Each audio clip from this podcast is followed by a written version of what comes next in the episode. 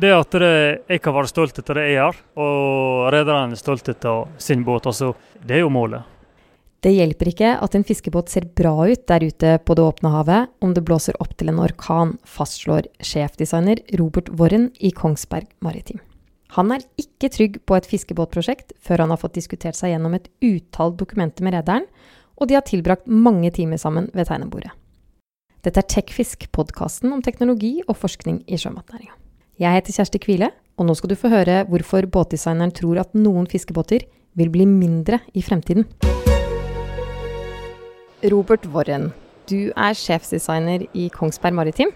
Hva slags båter er det du tegner? Du, Da er det hovedsakelig eh, fiskebåter, og så er jeg litt innom eh, brannbåter og båter til akvakultur også. Hva kjennetegner en fiskebåt i dag, da? Den er en veldig kompleks båt i dag, og han er veldig uh, full av uh, utstyr. Han skal være energiøkonomisk, og han skal gi eierne og egentlig eh, god eh, avkastning på eh, i forhold til det de fisker og kvotene de har. Det er veldig mye som eh, kjennetegner en fiskebåt i dag. Tidligere så var de eh, gjerne at de eh, skulle ha en samløse gamle båten, for det var verdens beste båt. Men de skal ha noe litt nyere, for han var begynt å bli gammel. I dag er kundene litt mer kravstore, vil jeg kanskje kalle dem. Det er svært få kunder som er så interessert i båtene sine som en fiskebåtreder. Og det forstår jeg veldig godt. Eh, mange av dem har ikke så mange båter, det er kanskje det eneste levebrødet de har. De legger sjela si i det, og eh, familieformua i verste fall. Altså at det er de levende opptatt. Samtidig så er det samme som du og meg, at når vi skal stå og kjøpe oss en ny bil, så vil vi ha noe som eh, vi liker, som ser bra ut som er de egenskapene vi leter etter. Og eh, er innenfor budsjettet vårt. Og det kan du si, det er akkurat det samme med en eh, fiskebåt i dag, vil jeg si. Når dere har så engasjerte eh, kunder, da, hva, hva innebærer det for det designet som dere Ja, det innebærer at vi får en masse gode møter med dem, og diskuterer veldig mye detaljer. Og da, de første innledende, så starta vi ganske fevna om ganske mye. Og så uh, går vi helt ned i skruer og bolter om så uh, senere. Og det er veldig engasjerende. Vi kan bruke uh, ganske mye uh, tid på å utvikle en fiskebåt. Vi har et eksempel vi jobber med nå, vi har holdt på med i to år til en kunde. Vi har trua. og men det er klart at det, det som er i denne prosessen, er at vi lærer jo noe hele tida. Jeg er veldig ydmyk overfor kundene våre som de har spisskompetanse på det de driver på med, men vi kan båt. Og vi kan en del av utstyret, for å si det slik, og hvordan vi skal kombinere dette her. Og hvordan vi i sammen kan eh, få det beste grunnlaget for å, å lage et design til dem. Men når dere holder på i to år, hva er det dere gjør da? Du, da er det, det er veldig mye møter. Det er veldig mye å, å ta fram. Og vi kommer med forslag, og vi eh, utreder det. Og eh, ser litt på eh, verdikjede, kapasiteter. Vi ser på kostnader. Vi ser på logginger. Vi ser på absolutt alt. Vi utvikler jo du kan si et generalarrangement som tegner hele båten før vi begynner å detaljingeniere. Men vi også beskriver det med dokument hvordan utstyret skal være. og Det er ganske omfattende dokumentasjon skal til. og Vi går innom veldig mye eh, forskning og utvikling ofte. Jeg føler det at jeg, jeg har ikke levert, eller er ikke trygg på et prosjekt før jeg har fått diskutert gjennom x antall dokument med en reder. At vi virkelig har fått en del timer med bordet, sånn at vi får snakka om alt som jeg mener er viktig, iallfall. Og være sikker på at han er nokså ferdig snakka om alt han syns er viktig. Eller det kan være flere, for all del. Sånn at de er ganske trygge på at eh, når det går mot kontrakt og vi velger verft og sånt, så er det et gjennomarbeidet produkt de får. Og eh, dermed så blir det et bra produkt når det blir levert fra verftet også. Hva er det aller viktigste å tenke på da, når du skal designe en fiskebåt? Nei, Det er jo det at det han passer til formålet, og at det eh, rederen eh, i framtida vil eh, få se et verktøy som han er godt fornøyd med og vil gjøre god nytte for noe, og god inntjening. Og På slik vis så gir det oss også yrkesstolthet. Ikke minst det å Jeg er jo ingeniør. Det er jo, jeg fant ut ganske tidlig at det er det vi gjør, å bygge ting. Og hvis du til det kan få gjort det og bygd noe som er bra, som viser seg gang på gang. Altså det jeg kommer fra før, eh, eller jeg kommer selv fra en fiskerfamilie, kan du si, der vi hadde båter i familien som ene båten var jo ombygd en del ganger, var kanskje snart 100 år gammel. ikke sant? Da fremdeles så var han omtalt som en godbåt og godskrog. og eller hun, må jeg si det, det rett her. Altså vi eh, som båtfolk så begynner å vært litt utvatna, men før så vi alle tider hun med skip. Eh, I offshorebransjen så ble det litt eh, utviska. Men fiskere og fiskeribransjen omtaler alltid, eller fremdeles, båtene sine som eh, ei skute. Og, eh, men nå sporer jeg litt av her. Men eh, som sagt, det at det, jeg kan være stolt av det jeg gjør, og rederne er stolt av sin båt, altså, det er jo målet. Og det, for at det skal være det vi alle i hop, så eh, må det være et, et godt design. Du har vært fisker sjøl? Ja, faktisk så prøvde jeg det her et par års fartstid uh, før jeg fant ut at det, jeg har lyst til land. Jeg var litt uh, lei av slingring og uh, dårlig vær. Og ja. Og så er det ikke så forenlig også heller med et sosialt liv. Hvilke fordeler er det da i jobben som designer?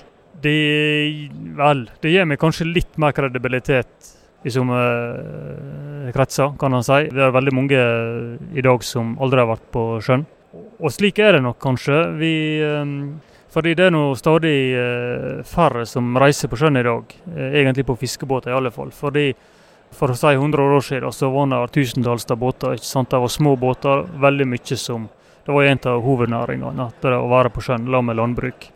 Slik er ikke det i dag. Det er færre som er der. Det er mer eh, effektive båter. Men bortsett fra kredibilitet, så gir det meg litt erfaring eh, kanskje eh, mot mine yngre kollegaer, som av og til kan glemme at havet er stort, bårene er store, og båtene vil alle tider rulle en viss grad. Det være bevegelse. Og været kan bli virkelig dårlig. hvilken rolle spiller designet da? Og det er jo ganske mye, eh, vil vi si. da. Eh, for det hjelper ikke at en båt ser bra ut ute på det åpne havet hvis det blåser opp til en orkan. Det kan jo kombineres, vi håper vi kan gjøre det. Men eh, det er jo sjøegenskaper som er det viktigste for et skrog. Og Dernest så må vi prøve å få det til å rigge bra og se bra ut. Men eh, det er klart det at det, du, du, kan ikke Du kan gjøre mange element på en båt som eh, ser bra ut på ei skisse. Som bilindustrien er veldig flink med, så utvikler de sine konsept. Det gjør vi også. Men vi kan ikke dra den for langt, fordi her er for mye det er de folket vi som er vår kundegruppe, de har så mye kjennskap til det de driver på med, at hvis vi kommer med noe på ei uh, konseptskisse som uh, ikke holder vann, rett og slett, så bokstavelig talt, så uh, kommer ikke vi videre. Da blir vi sett på som useriøst ofte. Så vi må være litt forsiktige med de elementene vi bruker der. Så. Det skal være praktisk? Det, det er nødt til å være praktisk også. Men etter hvert er jo utrolig mye utstyr og teknologi og duppeditter.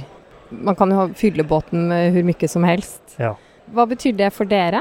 Ja, Det betyr at vi er stadig mer å ta hensyn til. Det gjør også det at vi jobber på en kanskje litt annen måte i dag enn vi har før. Vi har dette her med loggedata og sensorer om bord i båtene i dag, som vi bruker i stor utstrekning. Og eh, ikke minst det å kunne styre alle disse duppedittene og eh, utstyret. Vi har jo stadig økende krav i dag til å automatisere og digitalisere og eh, egentlig gjøre det brukervennlig.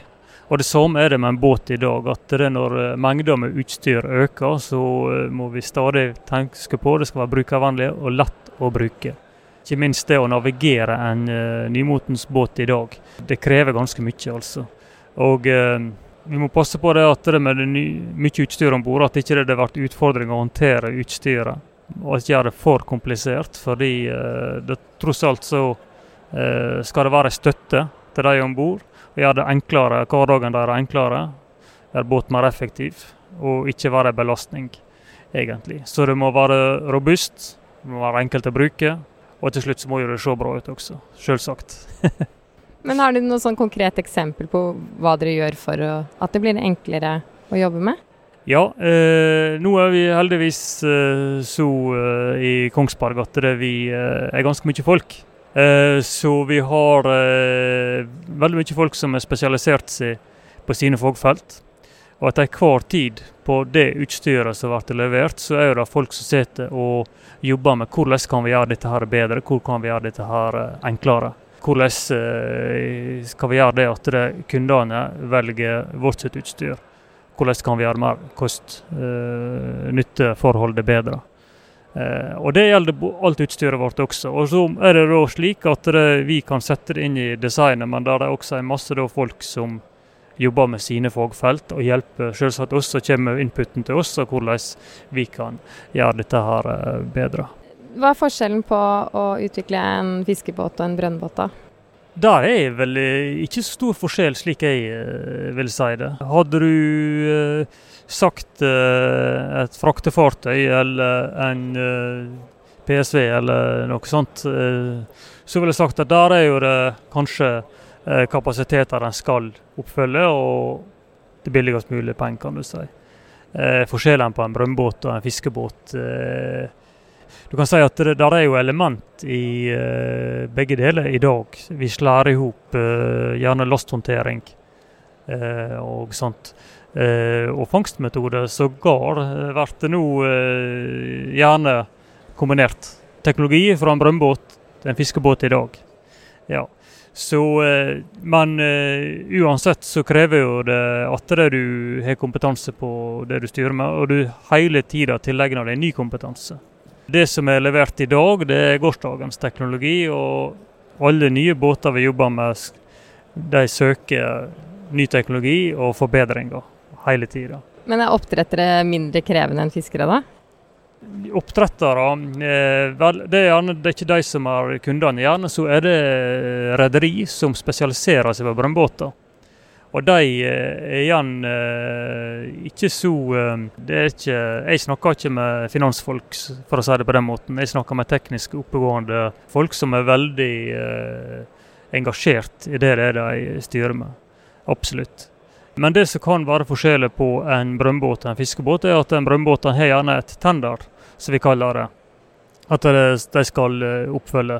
Så da kommer det ut en eh, kravspesifikasjon fra eh, kanskje en oppdretter. Han kan være stor eller liten, ofte er de store i dag. På noen nøkkeltall som en båt skal gjøre til en billigst mulig penge. Dette her er jo ganske identisk med offshorebransjen. og La oss nevne kanskje ferge slik som fylkene har ut på anbud. Så eh, der kan være sånn prosessene der, med hvor krevende det er å få til et design. Men for ikke så lenge siden så jobbet du i Rolls-Royce, og tidligere i år så ble dere kjøpt opp av Kongsberg Maritim. Hvilken det. forskjell utgjør det? Foreløpig vil jeg si så er det forsvinnende lite. Eh, det var litt artig fun fact at det, i Rolls-Royce så hadde vi en slogan som sa One Rolls-Royce. Vi kom til Kongsberg, og da hadde de en slogan som heter One KM. Så eh, det, det, var ganske likt. Eh, det er jo store firmaer eh, begge to. Det er seriøse firmaer begge to. Fiskebåter i framtida, da. Hvordan ser de ut? Ja, å se inn i glasskula er jo alltid vanskelig. Og, så der skal jeg være litt forsiktig. Men jeg tror faktisk det nå er det min mening du spør etter. Og jeg ser ikke vekk ifra det at med digitalisering og autonome fartøy i framtida Vi snakker kanskje I dag er jo hybridisering, der er kanskje framtida batteridrift. Kanskje er det slik at energibærerne blir eh, mindre, og eh, elektrifisering kanskje. Så vi ser ikke vekk ifra at fartøyene kan bli mindre, faktisk. Deretter du har kortere avstand til eh, fangst. Der kan det være aktuelt. Og inn og ut. Eh, vi ser også det at utviklinga på eh, fiskevelferd og håndtering er stadig bedre. Slik at det på en annen side så blir det stadig enklere å gå langt og hente den fisken også. Så jeg tror da vel markedet vil utvikles i, i eh, nesten alle retninger slikleis. Det eneste som sikkert er at eh, teknologien vil bli utvikla. Det blir mer komponenter i det. Det blir fokus på fiskevelferd. Det ble fokus på bærekraft og energiforbruk. Definitivt. Det er det eneste som er helt sikkert. Og Så får vi bare se hva framtida bringer. Jeg har iallfall uansett tro på teknologi som framtida. Og eh, jeg er helt sikker på at det, det kan redde oss hvis det er noe vi er redde for i framtida. Ja. Så bra. Takk skal du ha. Du har nå hørt på Tekfisk, podkasten om teknologi og forskning i sjømatnæringa. Skal du på Danfish? Der skal vi ha live podkast torsdag 10.10 klokken 12. Temaet er Fremtidens fiskebåt, og jeg skal intervjue to redere, en verftsdirektør og en skipsdesigner.